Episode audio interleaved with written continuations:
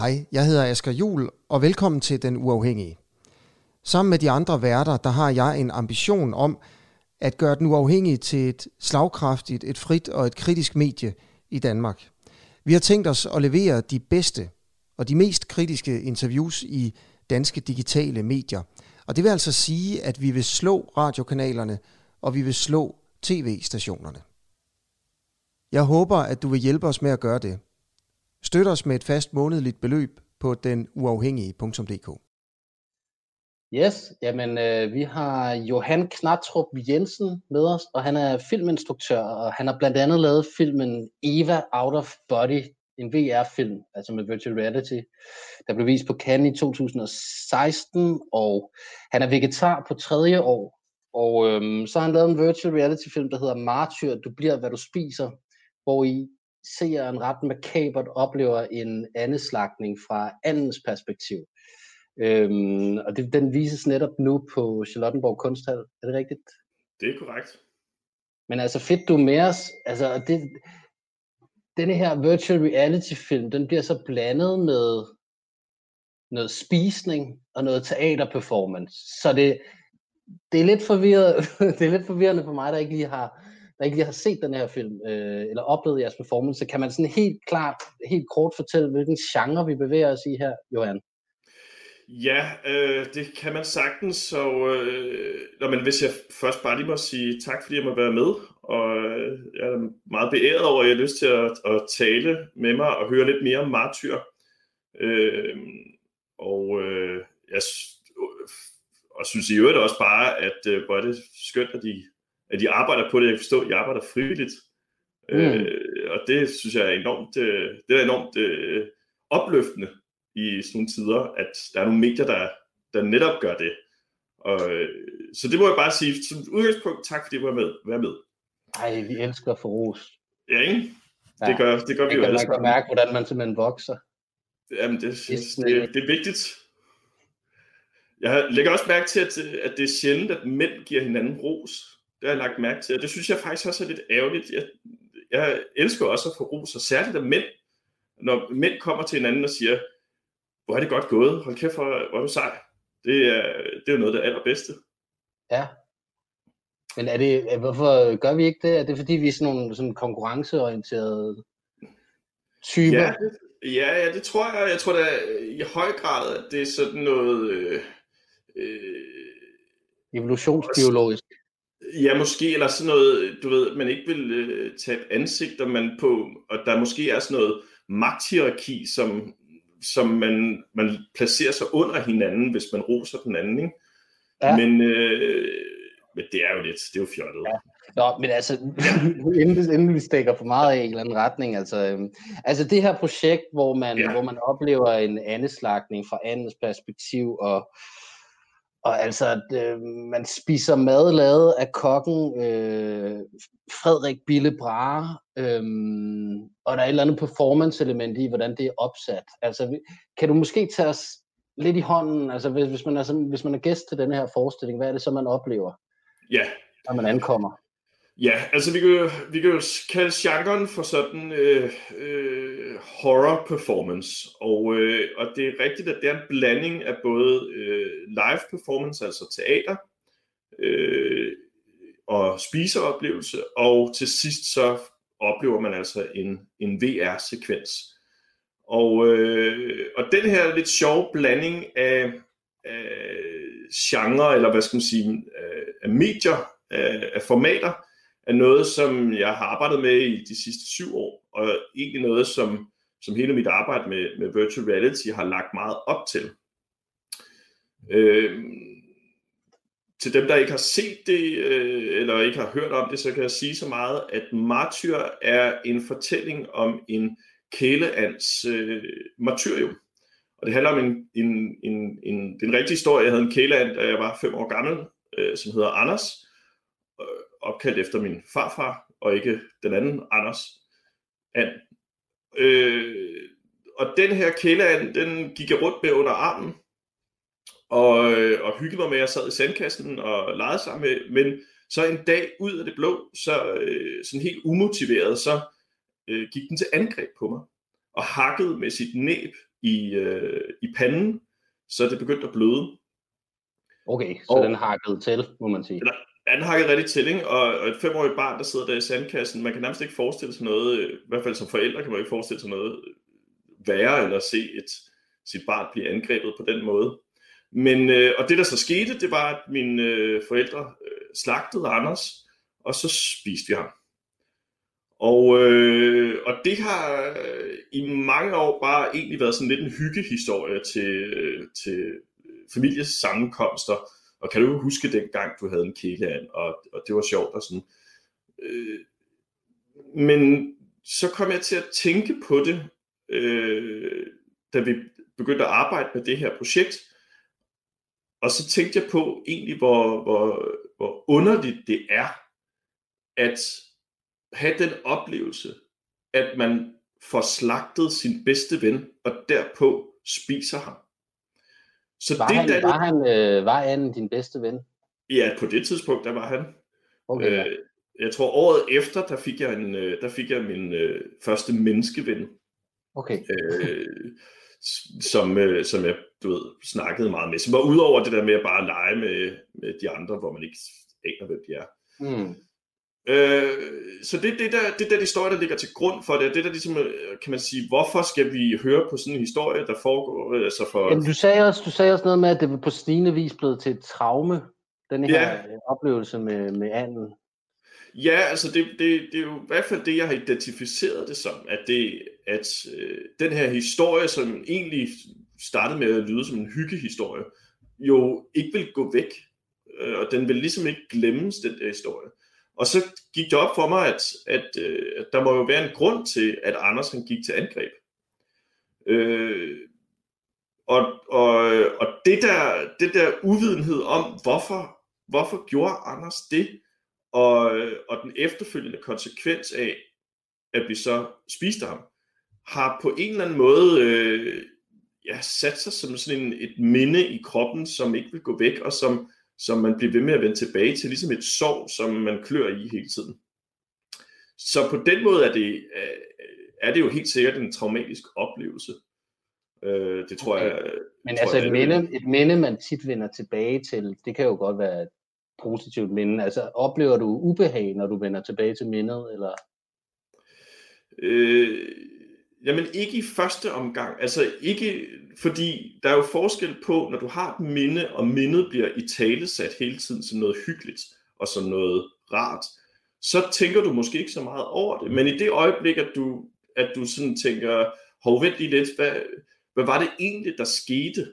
Og når jeg sætter det ind i min egen kontekst, og min egen bevidsthed i, i en nutidig kontekst, og forstår ligesom det der med, at, man, at det var jo min bedste ven, der blev slagtet og spist, så er det klart, at så vækker det noget ubehag. Så er det jo ikke så rart. Altså, hvorfor skulle vi gøre det? Ja. Okay. Så, øh, så den, så er jeg faktisk, øh, jeg er faktisk ret overbevist om, at den oplevelse har været, øh, har været en eller anden form for katalysator i mit, øh, i mit ønske om at ikke at spise øh, dyr. Ja, altså fordi du, du er blevet vegetar for tre år siden. Ja, Eller hvordan stod der i det ja, her Ja, jeg er vegetar på tredje år. Okay. Men har du så, har du så spist an op til det punkt? Øh, ja, ja, så har spist alt. Ja, ja. Okay. Men så, så stikker traumet ikke så dybt, eller hvordan, med den med anden der, der hakkede dig i hovedet? Altså, jeg tror, der, der, jeg tror, jeg tror da godt, at øh, mennesker kan opleve dybere traumer og større traumer, men, men jeg tror bare, det er vigtigt at se det i, i, i øh, ud fra altså en femårigs perspektiv, der tror jeg, øh, der sætter sig sådan nogle oplevelser. Og det sjove er, at øh, øh, faktisk efter det der DR-artikel, så fik jeg nogle henvendelser fra, øh, fra folk, som, øh, som selv fortalte, at de havde haft kæleænder, som øh, sjovt nok også hedder Anders, og, øh, og som også øh, endte med at blive slagtet og spist. Så, så det, jeg tror faktisk, det er jo noget, der, der, der ja, som, man, som har været, som sætter sig på den ene eller den anden mm. måde. Jeg tror bare, at fordi vi er så vant til, du ved, at spise øh, kød hele tiden, det er så inkorporeret en del af vores hverdag og vores liv, det er sådan nærmest blevet til sådan nogle automatiserede tanker. Selvfølgelig øh, spiser vi kød, fordi det har vi altid gjort. så, øh, så tror jeg, man kan overbevise sig selv om, at, at det ikke er øh, farligt, eller det ikke er forfærdeligt. Men når man begynder at tænke over det, og for alvor ligesom sætter sig i, og i det her tilfælde med martyr, hvor jeg, hvor jeg tvinger mig lidt, hvor jeg tvinger mig til at sætte mig i andens perspektiv, Mm. så, øh, så kommer der lige pludselig noget andet på spil. Ja, så lad, os lige, så lad os lige gå lidt ind i, i, i det her med, hvad man oplever i virtual reality-filmen, Mhm. mm-hmm. og at man kommer i andens perspektiv, fordi det lyder jo som om, at vi har taget svampe eller sådan noget, øh, også to og og ævler foran alle lytterne. Altså, kan du, kan, du, kan, kan du prøve at tage os lidt under vingerne måske, og, og, og så forklare os, hvad, hvad, hvad, hvad det er, der sker under den her performance? Ja, altså det, jeg beskriver det som tre, øh, tre stadier af indlevelse. Først så hører vi øh, en historie om Anders, og vi, øh, altså ren historiefortælling med en skuespiller, der står på i rummet. Derefter så øh, spiser vi Anders, øh, så vi får simpelthen serveret andekød, øh, som bliver spist, og det er både øh, det er øh, æg og øh, kød og hjerte og suppe, andesuppe. Og når vi ligesom har været igennem, igennem de her, øh, og som smager, øh, tror jeg, smager sindssygt godt, det siger folk. Jeg har ikke selv smagt på det. Men, øh, men Frederik har virkelig lagt sig i scenen og lavet noget rigtig fantastisk og udfordrende mad. Men når man ligesom har spist øh, Anders, så går man over til den sidste, det sidste stadie af indlevelse, hvor man får VR-briller på, og så bliver man til en and. Og så står man inde i en andegård, hvor man kigger på de andre publikummer, der også er blevet til ender. Og så øh, kan man lege med hinanden og, og, og, og vinke med sine vinger, og, og, øh, og få lov til ligesom at, at, at prøve, hvordan det er. Og selvfølgelig så kommer, øh, så kommer performeren igen inde i, i det virtuelle, og den her gang med en øh, hækkesaks.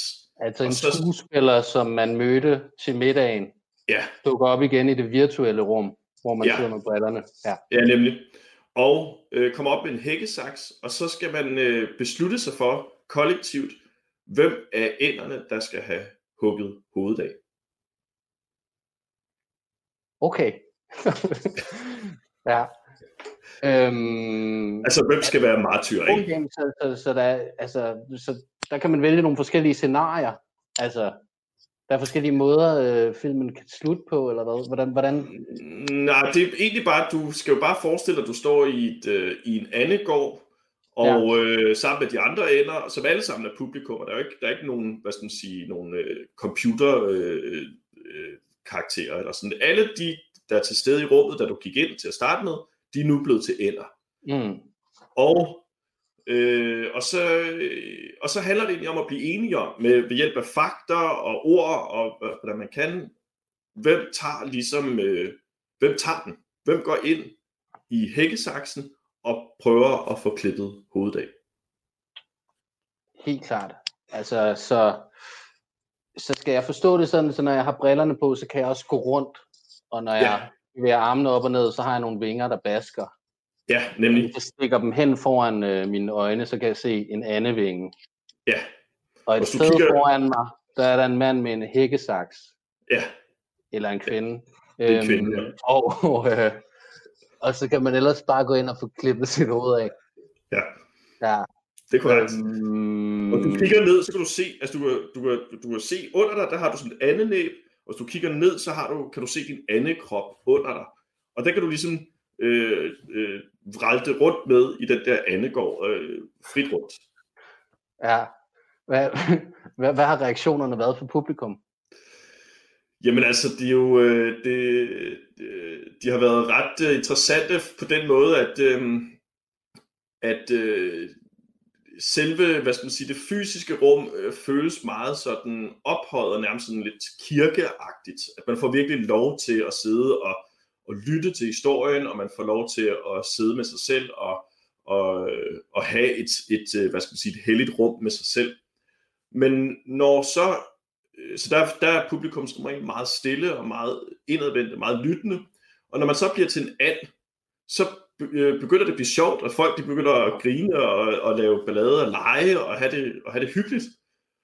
Øh, selvfølgelig lige indtil, at øh, hovedet ruller, så, øh, så, så, så, så bliver det ret chokerende for folk at opleve.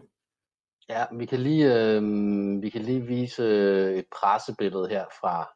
Ja, fra, der, har vi, der har vi simpelthen en kvinde, der har taget øh, beskyttelsesdragten på og har hækkesaksen og klar til at klippe. Man kan se nogle ender der, der leger rundt i baggrunden. Mm. Altså, det er jo noget helt andet end en traditionel biografoplevelse. Altså, det her. Ja. Hvor man, hvor man lidt selv som en kom, altså, man kan sige, første persons perspektiv, det er det, som mange kender fra computerspil, at de kan selv styre øh, slagets gang på en eller anden måde. Men ja. VR tager det så skridtet videre egentlig i forhold til tilstedeværelse, fordi med et computerspil, der er der ligesom en afstand mellem dig og skærmen, men her der er du i. Ja, de der du er inde i det. Ja. Okay, er der nogen, der bliver chokeret over det her, når de får klippet hovedet, eller er det, er det noget, man sådan griner af, når man kommer ud? Eller? Nej, der er ingen, der griner, når de kommer ud. Det, men, de har, men alle har haft en stor oplevelse, en meget bevægende oplevelse, så, det, så jeg tror, det er chokerende. Altså, selvfølgelig er det jo chokerende at stå som en lille and og kigge op på et stort menneske med en hækkesaks, som så klipper hovedet af dig. Det er jo, det, det er jo også en traumatiserende oplevelse. Så det er det der med, at, at ligesom for at få den der indlevelse, det er jo det, som, som jeg synes VR kan, altså virtual reality, at du, at du netop ikke har afstand. Du har ikke distancen mellem dig og det, der foregår, altså den, en, en hvad skal man sige, en, den, øh, en sikker afstand. Du er inde i det, og du oplever det nærmest på egen krop. Og jeg tror, at det, at du gør det, det sætter sig i dig på en anden måde, end hvis du så det som en almindelig biograffilm. Og øh, præcis det der med, at det sætter sig i kroppen, jo som et slags traume, er jo lidt det samme, som, som øh, min oplevelse gjorde. Altså når du oplever noget i virkeligheden, så sætter det sig jo også i kroppen. Og, og jeg tror, at når du får sådan nogle oplevelser, som jo er fiktive og øh, underholdningskunstagtige oplevelser, Øh, at så øh, hæfter du dem med, med et øh, mærke, der står, at det er ikke rigtigt, og det er fiktion det her. Men det bliver så svært at, at, at adskille, hvad der, hvad der har været en virkelig oplevelse på kroppen, og hvad der har været en fiktiv oplevelse på kroppen. Og dermed større empati, større indlevelse, større forståelse. Mm. Ja, så, så altså, det har jeg også læst nogle steder, at, at en VR-oplevelse, den føles mere som noget, der er sket mod en selv. Ja. Fordi man ligesom selv er...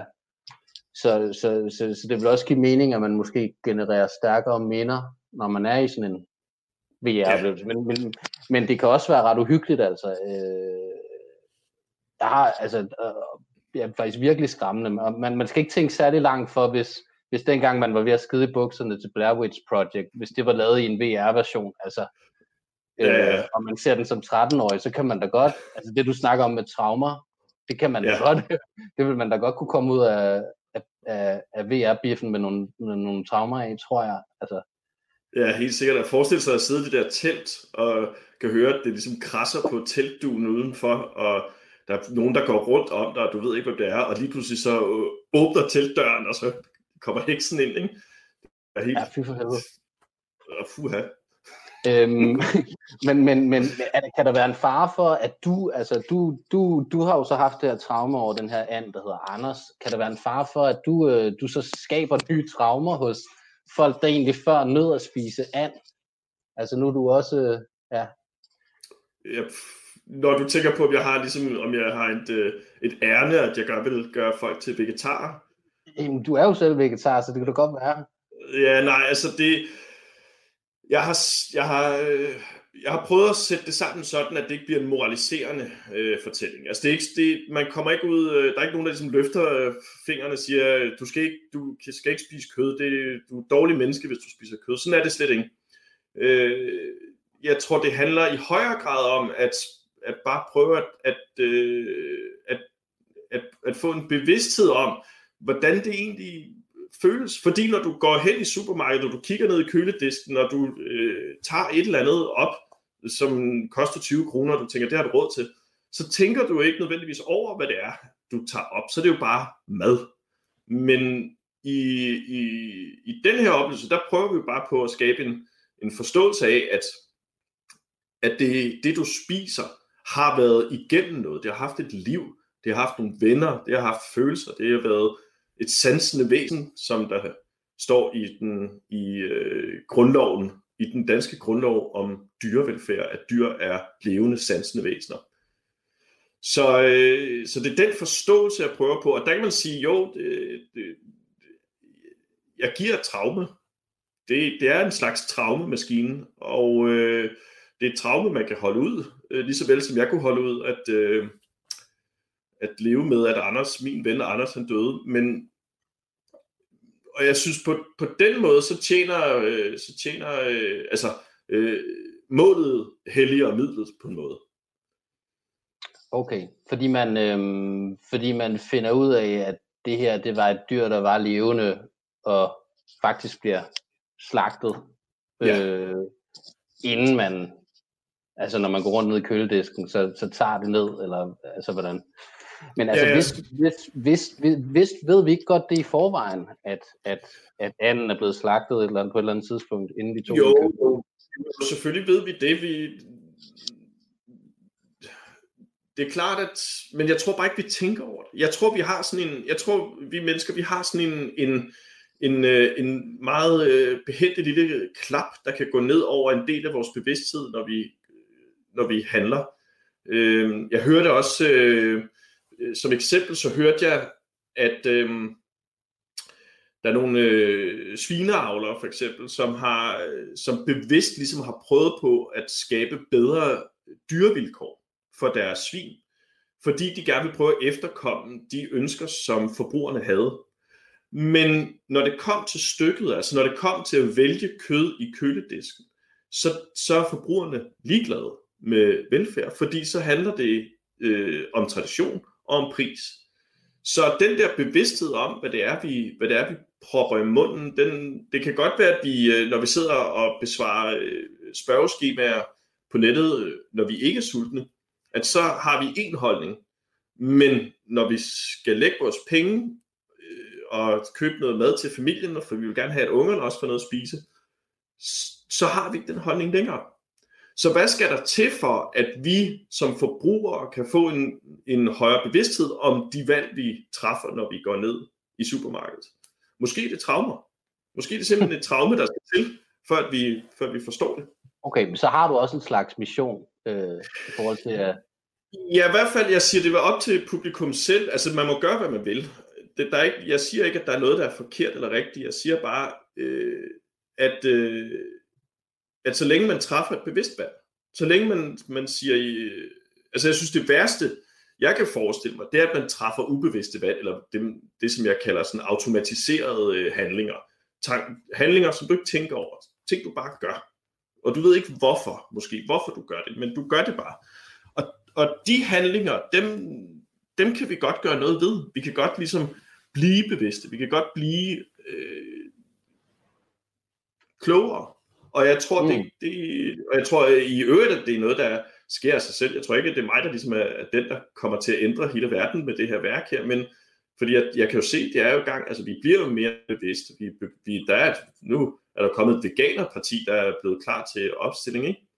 Så der, det er klart, der er jo en bevægelse i gang, øh, og det er en bevægelse over tid øh, som sker. Så jeg tror bare, det er egentlig, at, at, at vi taler ind i en, i en bevægelse ind i en tid. Ja, men jeg kan da godt se det der, altså det er jo ikke det der behind the scenes view øh, af, øh, af alle de der slagtede mink, vi ser nu. Nej, det er, måske heller ikke, altså det er måske heller ikke lige sådan, det er ikke der, hvor man siger, øh, skat hen lige ved særten, når man, når man ser på de der rækker af, Nej, det er... Øhm, Ja, ja, så det er jo også en... Selvfølgelig, så selvfølgelig at komme bag kulisserne og blive konfronteret med den der, um, det er jo rimelig bestialsk at myrde et dyr for at spise det, altså det, øh, Ja, det er det jo. Ja, altså. altså. det er jo en voldsom ting, øhm, så, så, så det at se ja. det, tænker du, det, det at se den der del af processen, som man måske som, som, øh, som forbruger ikke rigtig har så meget lyst til at se til hverdag. Øh, man måske hellere bare ikke konfronteres med den, og så bare have sin anden. Øh, at det, at... Nej, det, det er faktisk ikke så meget det der med at se det. Altså, for, fordi netop som du siger, vi har jo set billeder af, af, af slagtninger før. Vi har jo set grise blive slagtet, og nu ser vi øh, en, desværre en masse øh, mink, der bliver, der bliver slået ihjel. Ikke? Men mm. så jeg tror ikke så meget, det er det egentlig at se det. Øh, for øh, det svarer jo lidt til sådan, altså det kan man sige, det er lidt ligesom øh, bundegårdsferien, da man var, altså øh, når, når bybønderne, eller byboerne skulle ud på landet og se, hvordan det foregik på, på en gård, ikke? Øh, så man sige, martyr det er måske kulturelitens svar på bundegårdsferien. Men jeg tror, det det i virkeligheden handler om, Ja, det er, øh, billetterne koster også 600 eller sådan noget, så det passer vist meget godt. Jo, jo, du får selvfølgelig også mad og drikke og hele muligheden med, ikke? Så det, det, det er jo det, det koster. Men altså, øh, men jeg tror, det det i virkeligheden handler om, det er, at man får en relation til det. Det er, at der bliver fortalt en historie om det, du spiser. At i det øjeblik, at det går op for dig, at fordi at du har en relation til den and der, så bliver det lige pludselig et problem. Og hvorfor er det et problem? Det er jo lidt det samme. Vi har jo ikke, vi har jo, vi har jo ikke lyst til at spise hunde, og vi har heller ikke lyst til at spise katte. Og, øh, øh, så hvorfor, hvorfor har vi ikke det? Øh, det er vel lige så godt kød, som kyllinger er, eller, øh, øh, eller svin, eller lam, eller hvad det er. Så, øh, så der, der, der, der, der sker et eller andet, når vi ligesom, vi mennesker fungerer på den måde, at når vi har en relation til noget, så bliver det sværere for os at, at slå ihjel.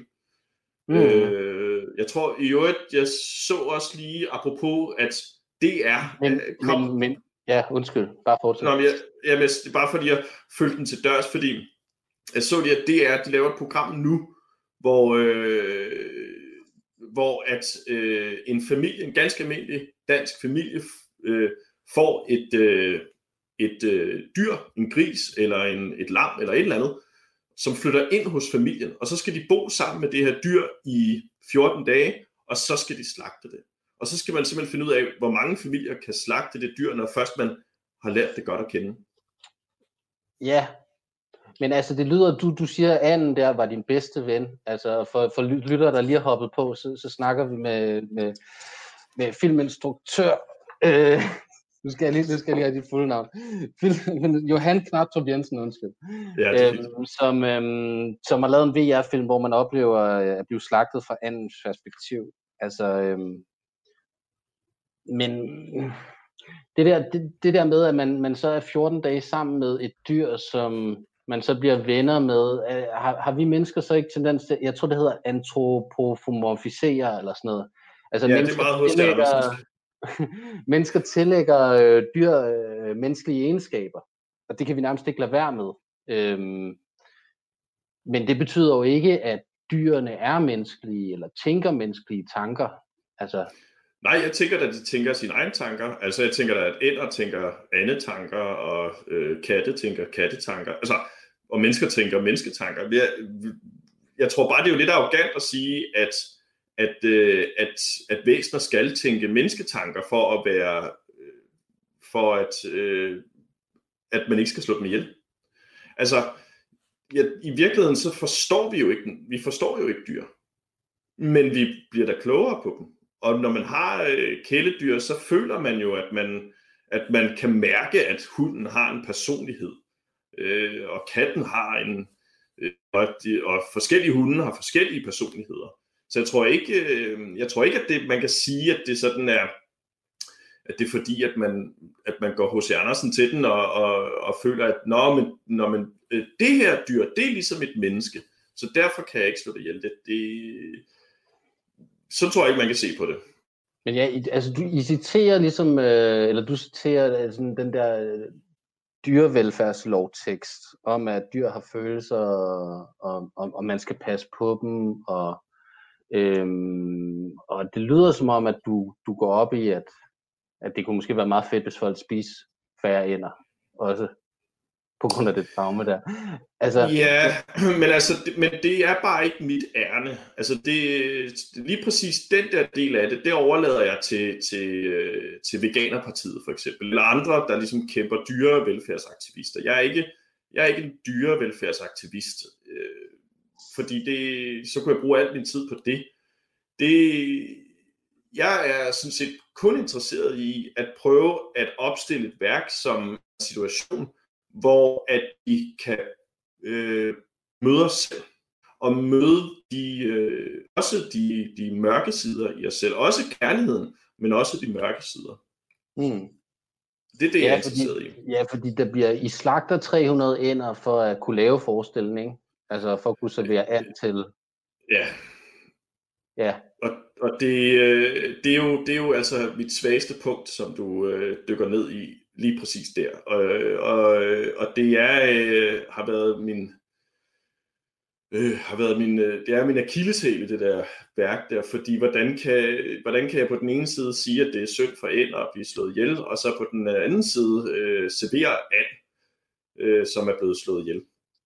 Øhm, og, øh, og man kan sige, øh, jeg, jeg har prøvet at argumentere over for mig selv, at sige, at der bliver slået absurd mange ender ihjel hver eneste dag, og det har lige været morgens aften i, var det tirsdags, og hvor mange ender, er det 100.000 ender, vi snakker om, der blev slået ihjel til morgens aften.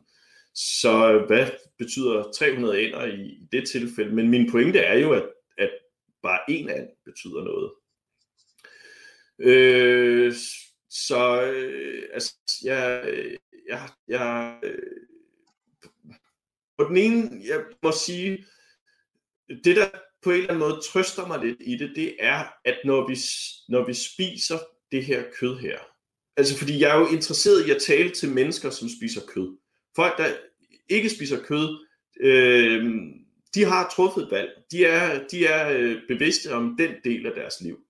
Øh, og så er der mennesker selvfølgelig, der har truffet valg om, at de gerne vil spise kød, fordi de elsker kød, og det er også fint nok. Men dem, jeg, jeg prøver at tale til folk, der spiser kød, og dem kan jeg tale til, øh, når, de, når jeg giver dem noget kød. Så det er lidt som en... Øh, ja, altså jeg, jeg, på den måde, så jeg tror, jeg er lidt speciel på den måde. At, og det er netop der, at jeg ikke bliver en, en dyrevelfærdsaktivist. Øh, fordi at øh, jeg har det lidt sådan, at hvis jeg skal fortælle, hvis jeg skal være, øh, altså den and, der vi slog ihjel til værket, til, som vi filmede, at vi slog ihjel, den and slog jeg ihjel. Jeg gjorde okay, mig ja. selv skyldig øh, som det allerførste, for jeg kunne ikke stå og være hellig øh, over hjørnet og sige, se hvad alle I andre gør. I, uh, I, I slår ihjel, jeg slår ikke ihjel, jeg er heldig. Det, det kunne jeg ikke gøre, fordi jeg har jo spist uh, sindssygt mange kilo kød i mit liv. Øh, så jeg har, jo, jeg har jo været der. Jeg er ligesom, jeg, på den måde kan du sige, det er der nok nogen, der synes vil være meget var det, helt, men... var, det helt, var det helt umuligt at finde en stuntand, eller altså nogle stuntænder til det der, eller altså nogle gummi, øh, eller nogle... Øh, Ej, jeg kan nej, godt men, se, jeg kan godt se. De måske men det, det vil man kunne se, ikke? Altså, det, det vil være... Øh, vi, vi, øh, jeg kan sige så meget, at vi kontaktede simpelthen øh, myndighederne omkring det, og vi spurgte, hvordan, hvordan kan vi gøre det her? Vi skal lave det her øh, værk, som den her film, som skal ind på Charlottenborg, og vi vil gerne slagte den an. Øhm, hvordan gør vi det? Og så fik vi simpelthen en opskrift på, hvordan vi skulle slagte anden, sådan at det lå inden for reglerne. Så vi har fulgt reglerne, kan man sige. Vi har ikke gjort noget, der er ulovligt, eller men vi har måske, men, men jeg tror, jeg bliver bare fanget i min egen øh, etik, og min egen øh, moral, og, og jeg må, altså, jeg kan sige, at jeg kommer aldrig til at gøre det igen. Jeg kommer simpelthen aldrig nogensinde til at slå et dyr ihjel igen, fordi den oplevelse at gøre det, øh, var, den var i den grad traumatiserende. Hvad, hvad, hvad, var det en økse, eller hvad brugte du? Ja, men det man skal gøre, man, man, øh, først så skal man ligesom, øh, man skal først slå dyret meget hårdt i hovedet med en, øh, med en kæp, og derpå skal man hugge halsen over med en økse. Okay, ja. Så, øh, så det er den korrekte måde at gøre det på. Så, så, så jeg slog den i hovedet med øh, køllen, så øh, øh, den øh, gik ud, og så øh, var det en kok, der huggede hovedet af. Så nu har du fået et nyt traume over det, eller hvad? Ja, det har jeg simpelthen. Det har jeg. Øh, det har jeg. Og, øh, og, og jeg vidste ligesom godt, da vi gik i gang med det. Jeg vidste så godt, at, toren, så, kan vi jo lave Mario 2 start. ja, og jeg vidste, jeg vidste godt, jeg sidder og griner nu, men, men sandheden er, at jeg var skide ked af det. Altså. Og jeg var pisse ked af det i, i mange, mange dage efter, flere uger efter, var jeg ked af, af hvad jeg havde gjort. Ikke? Og, øh, og selvom jeg sad med, med, med anden og, og snakkede med den inden, og ligesom undskyld, og, Jamen, jeg ved godt, ja. det er latter, jeg ved godt, at, at, at jeg sætter mig et sted, hvor jeg bliver latterliggjort. Det ved jeg jo godt, altså, fordi der er mange, der har den sådan, det er jo bare en and, og det er bare dyr, eller sådan, men, men for mig betyder det bare enormt meget, og jeg blev meget ked af det. Mm. Øh, øh, og det, det er måske bare sådan, jeg er. Altså selvom jeg er jo en, jeg er en bundedreng, ikke? Jeg, jeg, jeg er vokset op mellem to gårde øh, syd for Aarhus i en lille by, der hedder Odder. Ja. Øh, så, så jeg, jeg kender jo bundelivet. Jeg har været der, jeg har været en del af det. Det var en svinefarmer, der bare er min nabo. Så jeg, jeg ved, jeg kender ligesom til alt det der, men stadigvæk så, så øh, vækker det bare meget voldsomme følelser. Og jeg tror, det er også derfor selvfølgelig, at det er mig, der laver det værk, ikke sammen med, med hele holdet. Sådan. Mm. Ja. Så øh, ja, Ja, vi har, lige en, øh, vi har lige en kommentar fra Katrine Visby. Ja, vi er i det hele taget blevet mere fremmedgjort over for naturen. Vi romantiserer det, og samtidig lukker vi øjnene for det dyreplageri, der foregår. Men mange er ikke i kontakt med naturen mere, så vi har fået en, et distanceret forhold til dyre- og plantelivet. ja, tak for det, Katrine. Øhm, det, det, det, det, det er jo et statement, som jeg ikke, øh, det kan man jo være enig eller ikke være enig i, men jeg tror i høj grad, at, øh, at det der med romantiseringen øh, er noget, man skal være opmærksom på. At vi ikke øh, bilder os selv ind, altså det er det, der, det er det der tanketræk, jeg snakkede om, eller tankeklappen, ikke? at vi bilder os ind, at, at, at uh, no harm were done, øh, mens jeg spiser det her kyllingebryst. Fordi selvfølgelig var der øh, frygt og lidelse involveret. Mm. Ja, men altså det det, der er så, simpelthen så, så svært at forstå ved det her. Det er det, det, det, det, det, det der med, hvor den der frygt og ledelse, hvordan den har sat sig i dig, og så den der forestilling, hvor med, med de der 300 døde ender, og så at du oven i købet også har slagtet den første. Altså ja. hvor man sådan lidt tænker, hvorfor, øh, hvorfor holder du dig så ikke helt ude af det, hvis det, hvis det er så hårdt for dig?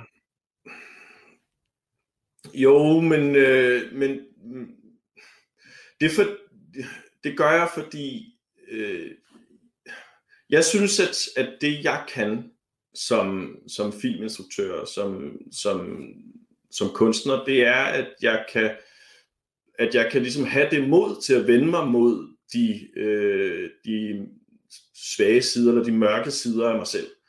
Og, øh, og når jeg gør det, og ligesom, hvad skal man sige, tør at, at se det i øjnene, og se, se hvem jeg er i øjnene, øh, også selvom det rummer alle mulige dårlige ting, ikke?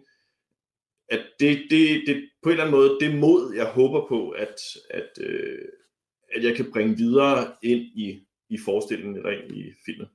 Hmm.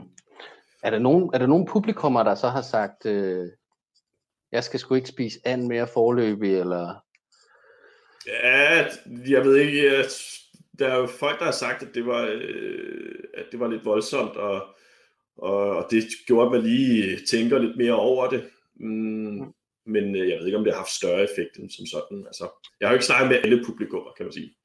Hvad, hvad, hvad er grunden til, at virtual reality film ikke er blevet... Altså, man snakkede meget om det for nogle år siden, øh, mm. og der var ligesom sådan en, man tænkte, ej, det her, det kunne blive rigtig stort, og så, så er det gået lidt... Det er, ikke, det er ikke noget, man sådan hører om hver dag i hvert fald. Hvad, øh, Ja, og hvad grundene til det er, altså øh, først og fremmest, så er det fordi, det er vanvittigt dyrt. Altså det er vanvittigt dyrt at producere øh, indhold til øh, virtual reality briller. Øh, fordi det, det er jo lidt som at lave et computerspil. Og øh, computerspil er jo sindssygt dyre. Altså, øh, Hitman kostede fem spillefilm eller sådan et eller andet. Så, mm. så det er sindssygt dyrt at producere. Øh, og det er den ene side af sagen. Den anden side af sagen er, at det, at det har taget noget tid for, at teknologien bliver god nok, kan man sige. Og jeg tror, der hvor, hvor, hvor det virkelig har battet, har været sådan på, på gamerfronten, altså med, med, med PlayStation for eksempel. PlayStation VR har så ret mange øh, VR-headsets.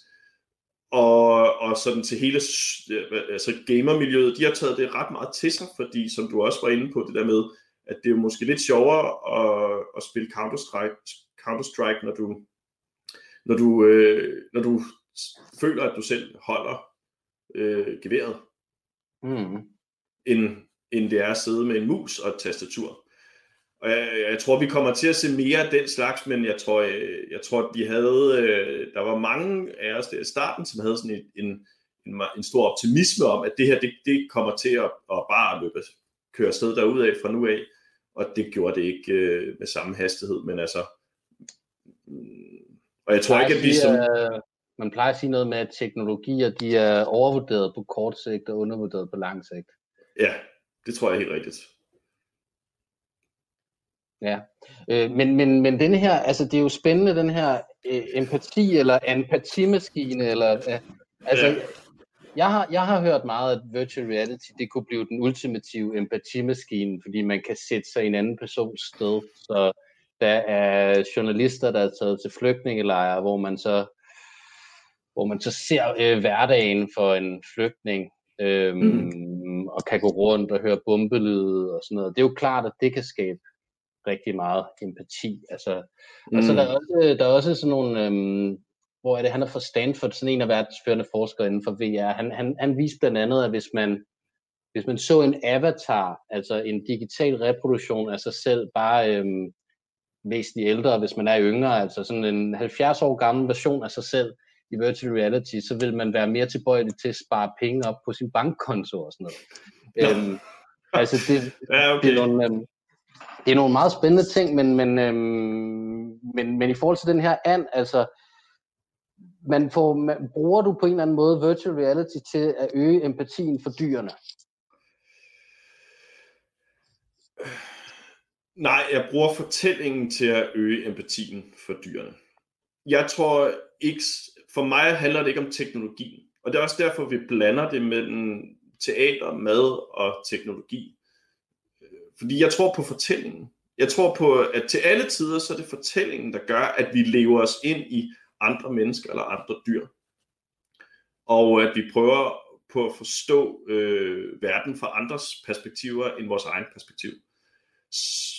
Men man kan sige, alt hvad der ligesom kan bidrage til det, lad os da endelig bruge det. det man kan sige, det mest opsigtsvækkende i martyr, det er vel, at vi bruger mad som en empatiskaber øh, når vi nu spiser det, som vi egentlig skal have empati for. Øh, omvendt så øh, kan man sige, der er øh, de her øh, øh, kanibaler jo tror, at, øh, at man ligesom får kræfterne fra det, man spiser, og derfor spiser de øh, mennesker, der er stærke. Ikke? Så der kan være noget med, med, med det, der, at der fungerer et eller andet, det med at indtage, indtage en fortælling. Så det, det er for mig øh, det, det, der gør det, og VR har været, øh, har været oplagt til ligesom at, at meget konkret sætte dig i øh, andens perspektiv, eller en andens perspektiv. Mm. Så, så, øh, så på en måde er det jo sådan det, det mest banale af det, det er jo, det er jo, det er jo VR, hvor jeg synes det mest sofistikerede og komplekse, det er fortælling. Det er, hvordan skaber du en god fortælling, som, som, som man har lyst til at høre på, og som man øh, bliver bevæget af at høre. Ja, og der, er sted, altså, der, der, der stod et sted, at det var dit forløbige punktum i forhold til arbejdet med VR. Du har lavet en del film og sådan noget. Ja. Øh, er, du, er du blevet lidt træt af mediet, eller har bare lyst til at prøve noget nyt? Eller? Øh, jeg er blevet en, altså nu har jeg arbejdet med VR i syv år, og der, det føles lidt som sådan en, en cyklus, en syvårs cyklus. Nu skal der ligesom til at ske noget nyt.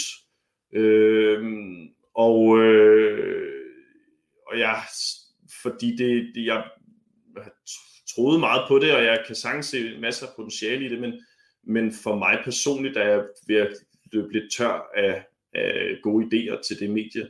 Fordi det er en, det er en meget udfordrende medie, og som jeg sagde, det, det, det, det er komplekst at lave, det er dyrt at lave, det kræver enormt meget støtte, og, øh, og, og hvad skal man sige, og, og, øh, og ikke bare sådan, hvad skal man sige, tekniske og finansielle udfordringer, eller benspænd fra starten af, men der er også nogle store sådan fortæller øh, udfordringer, fordi du kan ikke bare fortælle de samme typer historier på en, på en biograffilm, som du kan i VR. Det, det, det, på den måde er det et helt andet medie. Så, øh, så, så, så personligt har jeg lyst til øh, nu at kaste mig over nogle, nogle lidt mere, hvad skal man sige, almindelige øh, fortællinger, eller nogle fortællinger, som vi kender lidt bedre, som ikke kræver, at man blander alle mulige medier og putter det ind på et, et, et kunsthal. Hvor, øh, men at det måske også kan åbne til, til flere mennesker. Helt klart, helt klart. For der er jo også der er jo selvfølgelig noget med, hvor mange man kan komme ud til, når alle skal have de der headset på og sådan noget. Ja, lige præcis. Ikke? Seks, seks mennesker ad gangen, der ser øh, ja. Martyr, ikke? Jo, ja. og, og det, er jo, det er jo også selvfølgelig i hvad hedder, coronarestriktioner, at, øh, at, at alt ligesom er sikkert, så derfor er der kun seks mennesker ind ad gangen. Yes. Og altså, man kan stadig nå at se forestillingen. Øh, den går... Hvis, ja, frem til den øh, 21. november. Øh, og, hvis, øh, men, og jeg tror måske, der kan være mulighed for forlængelse, men, men jeg er ikke helt sikker. Okay. Øh, yes, jamen hvis man synes, at det lød spændende og gerne vil tjekke det ud, så, så er det Charlottenborg Kunsthal, og jeg siger tak til Johan Klartrup Jensen. Selv tak. Øhm, og øhm, ja, så håber vi på, at vi får en fortsat god fredag.